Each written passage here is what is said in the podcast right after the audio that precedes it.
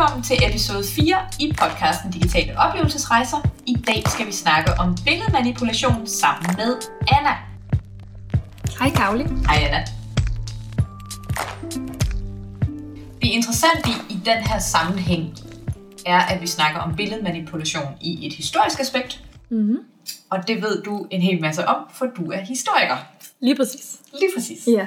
Og det er jo også vigtigt at huske, at det ikke kun, altså det er ikke kun billedmanipulation, det er også retuschering, eller det man Mm. i dag vil kalde, kalde retuschering, fordi man har gjort begge dele. Mm. Men for nemhedens skyld, tænker jeg, at skælne imellem det. Sådan, så manipulation, det er, når man laver noget, som helt tydeligt ikke rigtig kan være rigtigt Ja. på et billede, mens retuschering, det er at, at forme om på billedet. Og så, altså, det, det, man kender i dag fra, det er jo især, især sådan noget med supermodeller, eller modeller eller skuespillere i øh, reklamer og på magasinforsider og den slags, hvor der bliver pillet lidt ved deres udseende, sådan, så de ikke har rynker, og de ikke har bumser, og de ikke øh, har alle mulige mærkelige skygger rundt omkring og den slags. Ja. Jeg synes, vi skal ind over begge emner, men vi kan starte i retuscheringen. Mm. Det er jo ikke en ny ting. Altså, vi lever lidt i en verden, hvor der er super meget retuschering. Du kan indstille dit kamera helt automatisk til at have et filter på, når du tager billeder, og så er du automatisk lidt lækre, og din hud er lidt øh, Ja, ja. blødere, og der er, den har en rigtig glød og sådan noget. Ja. Og det er jo ikke rigtig en ny ting. Man kan jo sige, at man har jo haft det helt fra, man er begyndt at producere kunst. Mhm. Altså på malerier sker der jo helt automatisk en form for retuschering, Mhm. øh, og det har der gjort lige fra starten. Så snart man er begyndt, man begynder i, i slutningen af middelalderen at begynde at have mere vellignende portrætter, altså portrætter, hvor du kan se, se nogle personlighedstræk, eller du kan se nogle, øh, noget, som man kan identificere som øh, genkendelige træk. Tidligere så har man haft sådan en standard ansigt nærmest. Mm. Altså det kan man også se fra kalk, hvis man kigger på kalkmaleri i en kirke, det er lidt samme ansigt, de fleste har. Ja, der er en mand, og der er en dame. Ja, Færdig. lige præcis. og hen mod slutningen af middelalderen, der begynder det Øh, der begynder man at have ansigtstræk på en anden måde, altså individualiseret ansigtstræk. Men der sker jo også helt automatisk, når man bliver malet en form for retuschering. Og øh, det kan være mere eller mindre. Der er nogle portrætmalerier, hvor man sidder og tænker, godt, der er godt nok ikke blevet lagt fingre imellem der, altså hvor man sidder og tænker, det er ikke, det er ikke flatterende. Men Nej. der er jo også en hel del portrætmalerier, hvor man har en anelse om, at der nok er blevet gjort et eller andet ved, ved udseendet. Øh, for eksempel er der jo mange billeder af Henrik den 8. Hvis man ikke kender ham for andet, så kender man ham nok i hvert fald for nogle af de der tv-serier, The Tudors og sådan noget. Han er den her øh, engelske regent Mm. i renaissancen, som øh, huggede hovedet af et par koner og øh, blev skilt fra et par koner. Og Det er ham. Den slags. Det er Yes. ham, ja. Og der er en masse portrætter af ham, som nok er, altså hvor han bliver, han bliver godt nok malet som en stor herre, men stadig sådan kraftfuld og viril og, og sådan. Og hvor sandheden nok er især på hans ældre dage, der var han sgu nok lidt fedladende og lidt sølle og ikke særlig lækker. Var det ikke noget med, at han havde et sår? Jo, han, han fik et skinnebensår i, øh, i en turnering på et tidspunkt, som blev ved med at springe og aldrig rigtig blev lægt, og han skulle lugte helt forfærdeligt og være ret uschammerende, men ingen turde sige det til ham, fordi Ja, kongen. kommer man i tower. Ja. Så, men, så der er jo helt klart blevet gjort noget for at pynte lidt på udseendet. Tror du så, at det har været kongen, der har bedt om det, eller er det malerne, der har gjort det med vilje? Det er godt spørgsmål, men jeg kunne forestille mig, at der nok har været nogle malere, der ikke rigtig har tur at gøre andet, end at vise ham fra hans pænere side. Ja. Men det er jo noget, der er, altså der er jo tidsånden. Man kan jo altid se, når man kigger på billeder, kan man se, når man, hvad har været på mode, og så er det det, der bliver fremhævet. Altså der i slutningen af middelalderen, der var det for eksempel moderne, han meget høj pande, så derfor altså, har man i fra, nok fra personernes side plukket det øverste, eller barberet det øverste af håret af, hårgrænsen af, for at have den her meget høje pande. Men på billeder kan man se, at alle også er afbildet med de der høje pander, fordi Ja. ja. det er jo det, skønhedsidealet var. Det var det lækre. Ja, Og maver, der ser en lille smule gravid ud. Ja, lige præcis, og kropsholdningen der er på en bestemt måde. Ja. Ja. Så den måde, folk bliver afbildet på, og det er jo helt op til i dag, Mm. mm. den måde, som folk enten vælger og bliver fremstillet på, eller kunstnere fremstiller folk på, det er jo altid et tidsbillede. Ja. Og jeg tænker også, der er lidt praktisk i det, fordi en ting er bare at tage et billede af en person med et mobilkamera. Mm. Det tager et millisekund. Men et maleri, der skal du sidde temmelig mange timer. Mm. Så, så kunstneren har også temmelig meget at fylde ud. Altså, du kan ikke bare regne med et bestemt øh, lysfald, eller noget bestemt tøj, eller et eller andet, fordi, eller en bestemt øh, position, som personen skal sidde i. Så der er sådan allerede indlagt lidt fri fortolkning Ja, i det. Ja, Så ja. er det nok også bare... Helt sikkert. Og så, så kan folk jo øh, vælger, om de synes, at det bagefter det er et godt billede. Der er også mange eksempler på, på folk, der bagefter har brokket sig over fremstillingen. Altså, mm. Der er et øh, kendt fransk maleri, som skulle være blevet afvist, fordi at modellen synes, at hendes øh, fod var klodset malet. altså, ah. det er sådan noget, og, og også om mænd, som har fået malet deres koner, og så er de blevet utrolig skuffede, da de har set resultatet, fordi at de havde regnet med, at de skulle have sådan et billede af sådan en supermodel nærmest, ikke? Ja. og øh, så ligner det bare deres kone. Åh. oh. så ligner det bare et rigtigt menneske. Ja, lige præcis. Ja, det er unfair. Og det er jo det samme så, når man kommer til øh, fotomanipulation i dag. Ikke? Ja. Altså man, det er jo i bund og grund, at man gerne vil fremstilles på en bestemt måde, eller man gerne vil fremstille noget på en bestemt måde. Ja. Så vi har de her forskellige tider, hvor moden skifter, mm. og man ligesom følger med. Og nu har vi, øh, eller jeg har, det er jo faktisk dig, der fik mig øh, til at skrive en, en blogartikel om øh, 1800-tallets fotoretuscheringer. Fordi vi bliver bombarderet med det her billede af 1800-tallets kvinder, som øh, kvinder, der er super indsnøret og har en lille bitte vipsetalje, og øh, den her helt bløde glødende hud, og... Øh... Ja, altså der er jo rigtig meget om det her uh, tight lacing, og dengang, ja. og deres organer blev bare klemt sammen, og de kunne slet ikke leve uden at have korset på, for så ville øh, deres krop bare falde sammen, fordi... Ja, sådan noget. Og det er jo langt hen ad vejen en myte. Og ja, det er, jeg, jeg, jeg blev også meget overrasket, da jeg faldt over det for efterhånden nogle år siden. Ja. Det her med, at man faktisk brugt billedretuschering allerede dengang. Fordi vi forbinder det med noget helt nyt og moderne, det her med at kunne sidde digitalt og ændre billederne. Ja. Det er jo det, det handler om. Det er jo i dag, der gør vi det digitalt, og så tænker vi, kan man overhovedet gøre det anderledes? Men det har man jo gjort allerede dengang, ja. øh, ved simpelthen at ændre på, på negativerne, når ja. man havde taget dem. Fra, faktisk allerede fra fotoet slår igennem i 1830'erne. Det er der, man begynder for alvor at tage billeder. Mm så begynder man at se, at der bliver lavet retuschering af forskellige arter. Et godt eksempel er netop, som, øh, som du siger, det her med taljerne, ja. hvor man simpelthen riser i, øh, i negativet, eller i, øh, i den plade billede, der er blevet taget på, der kan man rise væk, sådan så taljen får mindre omfang, den simpelthen bliver tyndere at se på. Og det samme, som du siger, med ansigtet, med at man kan øh, fjerne rynker og øh, sorte render og... Øh, Ja, man har kunnet fjerne mørke ting ikke? Ja. ved at rise.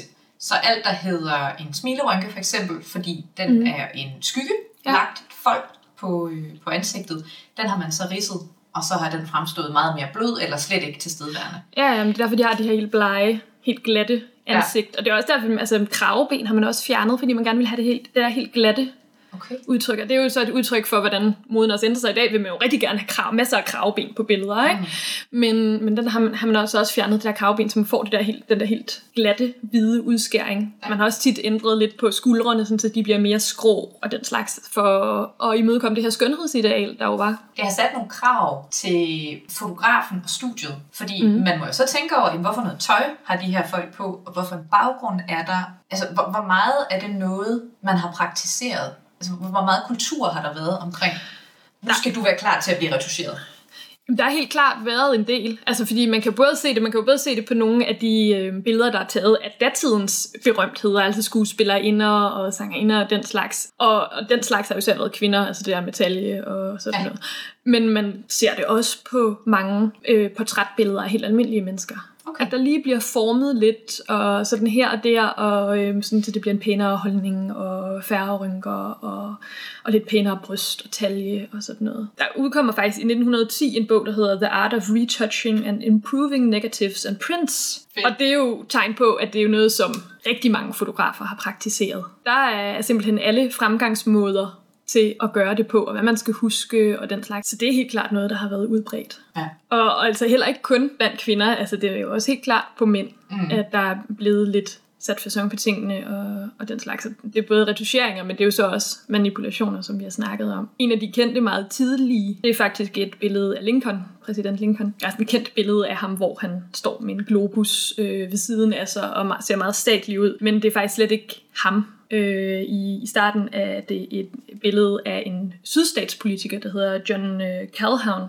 som hans hoved bare photoshoppet ind på, fordi man åbenbart skulle bruge et meget statsligt billede af Lincoln. Og man har jo så faktisk ikke photoshoppet det. Men, Nej, ikke men, Photoshop. Men, men det ord bruger vi jo i dag. Jeg Ja. synes, det er helt fantastisk, at et program, det er Adobe Photoshop. Ja, øhm, som bliver brugt rigtig meget til billedredigering, men jo ikke det eneste program i verden, du kan bruge til billedredigering. Nej, det sidder fast Det det som et begreb. Fast, ja. Ja, så meget, at man kommer til at bruge det. ja. Så man har ikke... Hvad, hvad har man gjort? Klippet klistret? Man er klippeklistret, ja. Okay. Det har simpelthen været sådan en klippeklister-øvelse. Lidt ligesom hvis man sidder med Photoshop. Man har bare siddet og gjort det i hånden i stedet for. Nej, det er et detaljearbejde. Mm. Ej, Men det er så negativerne, man har gjort det ved. Ja, der er forskellige muligheder. Man, kan, man har både gjort det, altså haft negativ, eller man har jo faktisk haft, øh, også haft glasplader, mm. som man har øh, øh, taget de her billeder på, og dem har man jo kunnet rise i og øh, manipulere med. Ja. Ja. Øh, men der er også øh, positiv redigering, som det hedder, som jo så er, når det er, er på papir, og man så kan ændre i det. Ja. Nu har vi så snakket en del om retuschering, som er i sådan lidt mere øh, skønhedsperspektiv. Mm. Og selfie-kulturen. Øh, se ja. Mig, jeg er Ja. lækker, får mig til at se godt ud. Ja, eller få mig til at se ud på en bestemt måde, ikke? Ja. Altså, have et bestemt øh, udtryk. Ja. Og så snakker du lidt om, om Lincoln, og det er jo ikke retuschering, der er vi nok... Der er vi nok over i noget manipulation. Ja, det er et falsk billede. Ja. Det er en falsk virkelighed, man opstiller. Ja. Og det har der også været en del om. Jeg kan huske, at have læst noget omkring øhm, spøgelsesbilleder, fra, også fra 1800-tallet, som jo... Jeg, jeg skulle til at sige, at det er meget mystisk, at det der alle de der ting er fra, men det var det jo ikke. Det var der, teknologien ligesom opstod. Så selvfølgelig har man leget med formatet og teknologien og lavet Ja, ja. underlige ting. Så der har været nogle super dygtige og øh, Og også en del mindre dygtige. også nogle ikke så vellykkede fotografer, der så har brugt noget, øh, nogle eksponering og noget lysfald og alt muligt til at få det til at se ud som om, at der var spøgelser Ja. på et billede. Hvilket der totalt ikke var. Nej, jamen, og det har jo været alt muligt. Det har både været spøgelser og øh, billeder af folk, der svæver, og billeder af folk, der ikke har, har mistet deres hoved. Altså, alt det, man kan finde på. Lidt tilsvarende i dag, at vi sætter øh, sjove filtre på billederne, eller giver os selv katteører, eller sådan noget. Det er jo, Ja. det er jo præcis det, man også har gjort dengang. Øh, med simpelthen at lege med den her nye teknologi. Ja. Og selvfølgelig er der også nogen, der har brugt det til at tage spøgelsesbilleder og fået folk til at tro på, at det var spøgelser. Der er også nogen, der bare har leget med det. Det der med at få folk til at tro på det, fordi det er jo et billede, mm. så det må det jo være virkeligt. Det er jo noget, som, øh, som går igen og går igen helt op i, i vores tid. Ja. Øh, ja, fordi det er jo, det er jo foto. man tror på det, Ja. fordi det er et foto. Du, kan jo, du har jo bare du har været ude i virkeligheden og taget et billede af virkeligheden. Ja. Og så har du fremkaldt virkeligheden. Ja, og en kendt sag med det, det er jo sagen om Cottingley Ferries, som Mm. den hedder, som er en sag fra England fra 1917, hvor der er to øh, unge piger, som øh, leger lidt rundt med kamera, og pludselig kommer de og siger, at vi har billeder af feer. Ja. Og det har de, de viser billeder, hvor de sidder sammen med sådan nogle små vingede væsener. Altså man skal prøve at google billederne, det, de er vildt fine. Men for vores trænede øje er det også rimelig tydeligt, at der er et eller andet galt. Det bliver blæst rimelig stort op, og øh, der kommer øh, forskere til, og der er en del folk, som faktisk øh, taler for, at det må være rigtigt. Det her, det må være feer, fordi der, der er jo billeder, og der er alle mulige bevi- beviser på kan man kalde det, ikke? Ja. beviser i gåsøjne på, at det er jo rigtigt. Der er også en del kritiske røster, der siger, du hvad, hold nu op. Men, men det bliver jo faktisk en rimelig stor historie, på en måde, som det aldrig ville kunne lade sig gøre i dag. Mm. Og det ender så også med, at den ene pige indrømmer, efter ret lang tid faktisk, at det faktisk bare var, var små papirsudklip, de havde lavet og sat op. Den anden pige indrømmede, øh, hun, hun gik med det i graven. Okay. Altså hun, øh, hun blev ved med at holde fast i, at det var feer. Det er jo en, et meget godt eksempel på den her manipulation, ja. og hvad den bliver brugt til. Altså det er jo et rimelig harmløst eksempel. Det er super harmløst. Altså de her sådan fantasifulde, lidt lejende, nu laver vi nogle spøgelser, og nu øh, sætter vi nogle feer Ja. ind. Og... Men det er jo også blevet brugt meget mere alvorligt Ja. i politisk øje med Ja. til simpelthen at ændre virkeligheden og ændre. Ja. historiens gang. Ja, ja og det, det, ser man jo det ser man i mange politiske sammenhænge. Altså, men et godt eksempel er øh, Sovjetunionen mm. og Stalin. Et godt eksempel er, er Stalin, der står sammen med øh, nogle af sine medpolitikere, hvad skal man kalde det, Ja. sine, sine støtter. Ja. Blandt andet Trotsky ved et bord. Og der på et tidspunkt, der bliver Stalin jo øh, utrolig meget uvenner med Trotsky, og så bliver Trotsky, han bliver manipuleret ud af det her billede. Han bliver simpelthen fjernet fra billedet. Og lige så langsomt som hver af de her personer falder i unåde, så bliver de simpelthen fjernet fra det her billede, øh, så Stalin ender med at stå alene. Og det er jo meget sigende, kan man sige, for, for hele Stalins styre, det her billede, hvor der starter med at være øh, der er fire-fem mennesker på, og til sidst står han bare alene. Ikke? Ja. Øh, men de, simpelthen- de er blevet ændret, det er blevet manipuleret, det billede, alt efter øh, hvordan øh, politikken lige har været, og hvem der har været, øh, hvem der er faldet i unåde. Og det er jo ikke kun det billede. Altså, det er jo blevet fjernet fra masser af billeder. Masser af billeder, altså folkemængder, hvor Ja. man kan se, at Stalin bliver hyldet, og så har Trotsky været med, men så er billederne på han fjernet. Ja. Og det er jo altså, det er ret dygtigt lavet. Altså selv i dag med nutidens øjne, så kan man sagtens se og kigge på et af de billeder, hvor Trotsky ikke er med, mm. og tænke, det kunne sagtens have set sådan ud. Det giver fin mening, og det giver især fin mening i en tid, hvor, hvor man ikke lige har kunnet gå ind og søge på internettet og finde det oprindelige billede. Ja. Fordi her har det jo været sådan, at man så er blevet præsenteret med et billede af Stalin, og så kan man sidde og tænke, har jeg ikke set det, hvor Trotsky var på? Jamen, det kan jeg ikke lige huske. Man kan jo ikke finde det frem. Du kan ikke gå ind og søge på det, og så finde det frem. Og så må du forholde dig til, at det nok er virkeligheden, at han ikke er der. At han, er, han i virkeligheden ikke var med der. Ja. Det er ret vildt på den måde ja. at ændre historiens gang. Ja, og det har man jo set i, altså man har set det i mange sammenhænge, og vi gennem tiden, altså allernyest kan man jo sige, så er der nogle sager fra USA, med, hvor der er blevet øh, manipuleret med Trumps indsættelse, altså den her folkemængde, ja. Øh, og hvor mange mennesker der egentlig er. Ja. Så det bliver altså stadig brugt. Det er jo det, der er så svært med det her med billeder, fordi at vi stadig har en eller anden form for tiltro til, at det vi ser på et fotografi er rigtigt. Ja. Det er sandheden. Men det er jo bare sjældent. Altså, der var en rigtig, rigtig stor sag i øh, 1982 med National Geographic, som jo har erkendt for deres billeder, og som er kendt for at have det her ry for, øh, for den her rigtige dækning, eller den her umanipulerede dækning ja. af, af ting. Men i, øh, i februar nummeret i 1982, der var der et billede af, af Giza-pyramiderne på, og det var et øh, billede, som oprindeligt var taget øh, horisontalt, men det skulle så på en vertikal forside, så derfor øh, valgte chefredaktøren at give lov til, at man lige billedet manipulerede og lige klappede pyramiderne lidt tættere sammen, så det blev pænere at se på. det blev der simpelthen kæmpe oprør over, da man hørte det, fordi så var det jo manipuleret, og så var det jo ikke sandheden mere. Ja. Det ødelagde jo det der ry. Ja. Og det er også, altså National Geographic nu har en, en helt klar linje om, at det gør man bare ikke. Ja. Fordi de kom en kæmpe shitstorm for det. Nej, hvor er det sket. Ja. Tror du, at folk er mere kritiske i dag, end for eksempel på Stalins tid? Altså med hensyn til billeder? Både og. Altså, der er, der er lavet en del undersøgelser med om folk tror på, at øh, det, der er på billeder, er rigtigt. Altså om øh, en, en filmskuespiller for eksempel virkelig ser sådan ud i virkeligheden. De går nok glade i USA. Øh, og der, men der var faktisk et ret højt procenttal, der var, var sikre på, at sådan så de der bare ud, eller i hvert fald ikke tænkte over det. Men, og det tror jeg egentlig, det store problem, det er, at vi ikke tænker over det. Ja. Jeg tror, på Stalins tid, eller før i tiden i det hele taget, Nej, man var sikkert ikke lige så øh, opmærksom på billedmanipulation, som man er i dag. Vi ved, det eksisterer i dag, så selvfølgelig, altså det er noget, mange bruger på daglig basis. Mm. Så på den måde, så ja, helt sikkert, folk blevet mere opmærksomme på det, men før i tiden, så var det måske bare på, når der blev, altså når man fik taget et portrætbillede, og så blev der ændret lidt på det for at, at gøre det pænere, eller når politikerne brugte det på den måde, som Stalin nu gjorde det, så var det der, man mødte det, ikke? Ja. Øh, men i dag er det jo overalt omkring os. Det er alle magasinforsider, og det er øh, alle billeder, man selv tager på telefonen, og så bliver man jo hele tiden konfronteret med det på de sociale medier, for eksempel. Der bliver man jo også altid, altså der får man det jo hele tiden smidt i hovedet, og der er det jo også svært at se tit på, øh, på portrætbilleder. Ens venner for eksempel lægger op, om der er det sådan skønhedsfilter på det. Ja eller om det er bare sådan, de ser ud. Det er, det er svært at se. Jeg har min egen lille personlige teori om, at de også øh, bruger det i nyhederne faktisk. Ja. Det har jeg, jeg har ikke kunnet få det bekræftet. Jeg har prøvet at undersøge det, jeg har simpelthen ikke kunnet uh, få det bekræftet nogen steder, men der uh, kan man nogle gange se på, på klipningen, at når man ser et billede af en korrespondent eller en politiker, der bliver interviewet, så har de meget sådan et, et meget glat, ja. fint ansigt. Men når det billede zoomer op i et lille hjørne, fordi man fokuserer på nyhedsoplæseren, så ser de altså meget mere... Uh, rynket og fregnet og bumset, eller hvad man skal sige, ud deroppe i det lille hjørne. Og jeg ja. ved ikke rigtig, hvad det kan skyldes. Altså, hvis der er nogen, der sidder og lytter til den her podcast, som ved, om man bruger filtre på kamera i, øh, i nyhederne, så må de godt lige skrive en lille kommentar. Ja, ellers så, øh, så bliver vi bare lynchet. ah, forsvinder sporløst. ah, jeg tror, det skal lidt mere til. Ja, må ikke. En lille smule mere. Ja. Men du har ret i det der med, altså det bliver jo meget sådan en, en, et passivt forbrug af visuelle indtryk. Ikke? Altså mm. man får en idé om, sådan her ser folk ud. Og jeg kan huske på et tidspunkt, at jeg havde, øhm, øh, for mange, mange år siden, da jeg stadig læste øh, indtil jeg skrottede det fis. Øh, der blev jeg vant til, at folk så ud på en bestemt måde.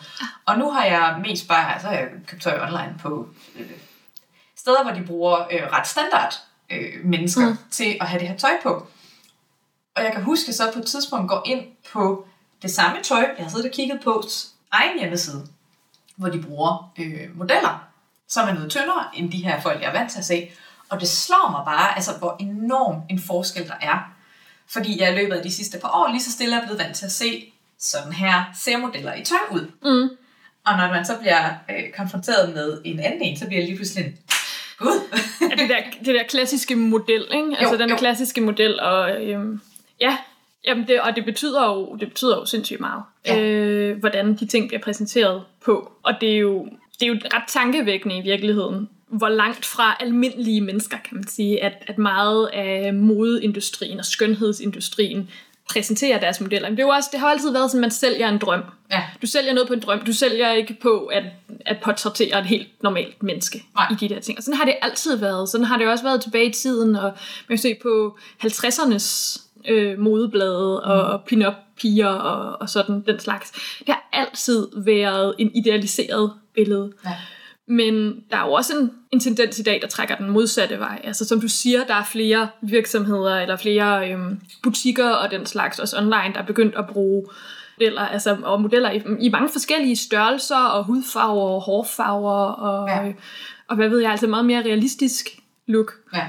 Det er også, der er også en modbevægelse til hele det her med fotomanipulation og reducering og Photoshop og filtre. Altså, der er jo hele det der hashtag no filter bevægelse, har der også været på sociale medier, fordi at man simpelthen er blevet røvtræt af, at det altid skal, pro- øh, skal profileres og idealiseres, de her billeder, at man aldrig får et, et realistisk billede af, hvordan folk egentlig ser ud. Og det, det kan man også se, mange stjerner er også begyndt at insistere på, at der ikke bliver retuscheret i deres billeder, eller der bliver øh, at blive portrætteret, øh, altså hvor man kan se deres rynker, og øh, Ja. man kan se, øh, at, at de er helt normale mennesker, fordi der er begyndt at være noget ideal i at være et menneske, ja. og et naturligt menneske, og ikke, at det ikke er hele det der fjerne, fjerne idolbillede. Opsatte. Ja, Ja.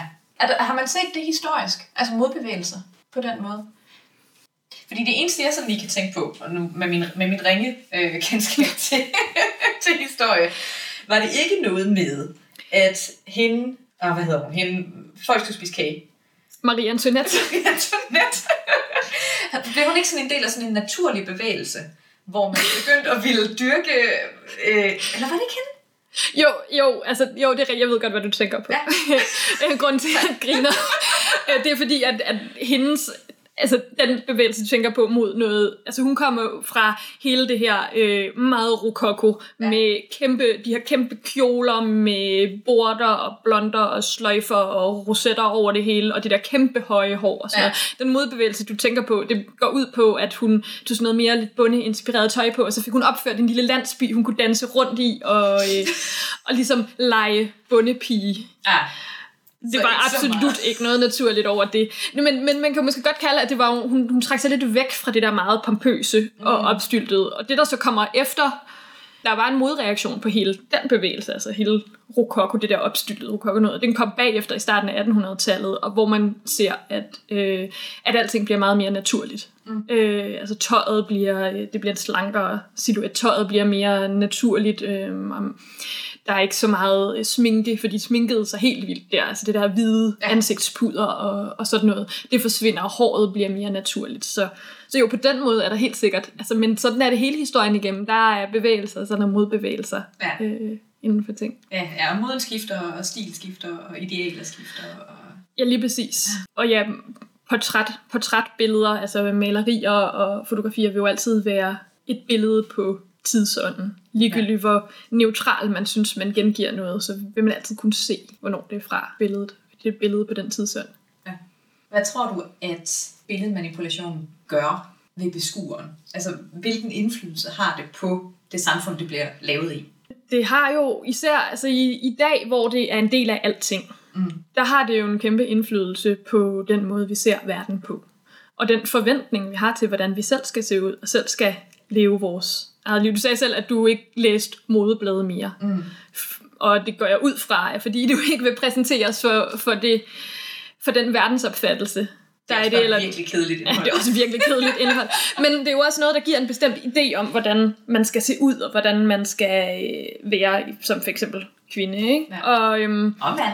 og mand for den sags Og skyld. alt derimellem. Ja, ud fra, at du læste modeblade, der handlede om kvinder. øhm, men det er helt klart er også en ting for, for mænd, ikke? Altså, Ja. det er det præcis det samme. Og det er så en ting, der bliver man præsenteret for det, men det er man jo blevet altid. Man er, det er man også blevet i 50'erne, der var der også blade, hvor du blev præsenteret for mm. den slags. Det nye er jo, at der er så mange sociale medier Ja. og billedmanipulation der, så lige pludselig er det ikke kun en eller anden filmstjerne på forsiden af et magasin. Pludselig er det også dine venner, og Ja. dine venners liv, du bliver påvirket af. Og den side, de vælger at vise af deres liv, Ja. ja, for man lægger jo ikke de grå, kedelige hverdage er i hvert fald ikke alle, der gør det. Nej. Altså, øhm, ja, så er, det, så er det pludselig alt det glamourøse, og alt det, der er fint og pænt og godt, og så kommer der lige et ekstra lag med noget billedmanipulering ind, så de også altid er pæne at se på. Ja. Og så giver det jo en vis forventning til ens eget liv. Og så er det, man også selv begynder at putte filtre på sit kamera, fordi at man lige har lidt, lidt fedtet hår og lidt uren hud den dag. Ikke? Og øh, det er selvforstærkende på den måde, fordi man hele tiden mener, man skal, øh, man skal fremstille sig selv bedre, end man er. Ja. Mit håb er, at den generation, der vokser op nu, midt i alt det her sociale medieris, får en eller anden ballast, hvor de bliver bedre til at gennemskue de her, øh, de her opstillede virkeligheder. Men man, hvis man sådan skal kigge på det historisk, så kommer der jo sikkert bare noget andet. Det gør der jo altid. Ja. Man kan sige, dem der vokser op med det nu, er jo øh, under alle omstændigheder meget bevidst Mm. om, at det findes, eller bliver bevidstgjort om, at det findes, fordi det bliver en del af deres hverdag, Ja. at det findes. Hvorimod de generationer, og den generation, vi sådan set er en del med, altså vi er øh, hit the ground running, ikke? fordi det, mm. det kommer hele tiden imod os, og vi skal hele tiden finde ud af, hvad, hvad er det egentlig at forholde os til det. Men det er jo egentlig ikke noget, vi er vokset op med på den måde. Altså sociale medier og billedmanipulation på de sociale medier. Nej. Nej, det har været blade og aviser. Ja, lige præcis. Reklamer. Og reklamer. Ja. Øhm, som ikke har været så billedretuscheret, som, som de også bliver i dag. Så øh, de kommende generationer, de vil jo de vil være bevidste om det på en anden måde, men de nok også bruge det på en helt anden måde. Ja. Og man kan jo også bruge det til rigtig, rigtig mange ting. Altså, der er jo mange kunstnere, der gør rigtig mange ting med det. Man bruger det i, øh, i retsmedicin og opklaring af, af mor og den slags, fordi Ja. man kan fremhæve øh, fingeraftryk på nye måder og den slags. Så man bruger det også til rigtig mange nyttige ting. Men jeg kunne forestille mig, at eftersom at man, man bliver mere og mere bevidst om det, så vil man også se, at det, at det ikke bliver så attraktivt mere. Altså det her med at ændre øh, kropsformen og ansigtsform og gøre benene meget længere på en model, og så halsen meget længere, og sådan. Det holder jo op med at være attraktivt, når man godt ved, at det er kunstigt. Mm. Så, øh, så er det ikke længere et ideal, man kan, man kan stræbe efter. Jeg tror, man vil se en, en bevægelse væk fra, at det bliver hyperændret, Ja. som der har været lidt tendens til tidligere. Hvis vi skal slå en lille sløjfe på, øh, på billedmanipulation. Hvad kan det? Altså, hvorfor, hvorfor har man gjort det? Man har gjort det altid. Hvorfor? Fordi man kan. Ah. Nej, men så er vi tilbage til det der med, at man vil gerne øh, fremstille så, så ideelt som muligt. Det er en menneskelig natur. En menneskelig natur. Og vil, øh, vil fremstå på en bestemt måde. Og leve op til et, et ideal, om det så er et skønhedsideal eller et øh, magtideal. Mm. Altså, så er det for at fremstå på en bestemt måde. Og for at underbygge sin egen person. Ja. På den og sin egen anden virkelighed også. Jo, Og den, den verden, man ligesom bygger op omkring sig selv, eller sit styre, eller... lige præcis. Ja. Og så også fordi, at det var sjovt. Og det er i virkeligheden altså nok forklaring på rigtig, rigtig mange ting, som mennesker nogensinde har gjort. Lige præcis. altså, jeg synes stadig, at at der er spøgelsesbillederne i øh, 1800-tallet, eller svævebillederne i 1800-tallet, og, og de øh, filtre, man kan sætte ind over, så man får katteører i dag. Mm. Altså, det er jo fordi, det er skæg. Ja. Du skal have mange tak for, at du vil snakke om billedmanipulation. Velbekomme. Det var sjovt. Det var godt.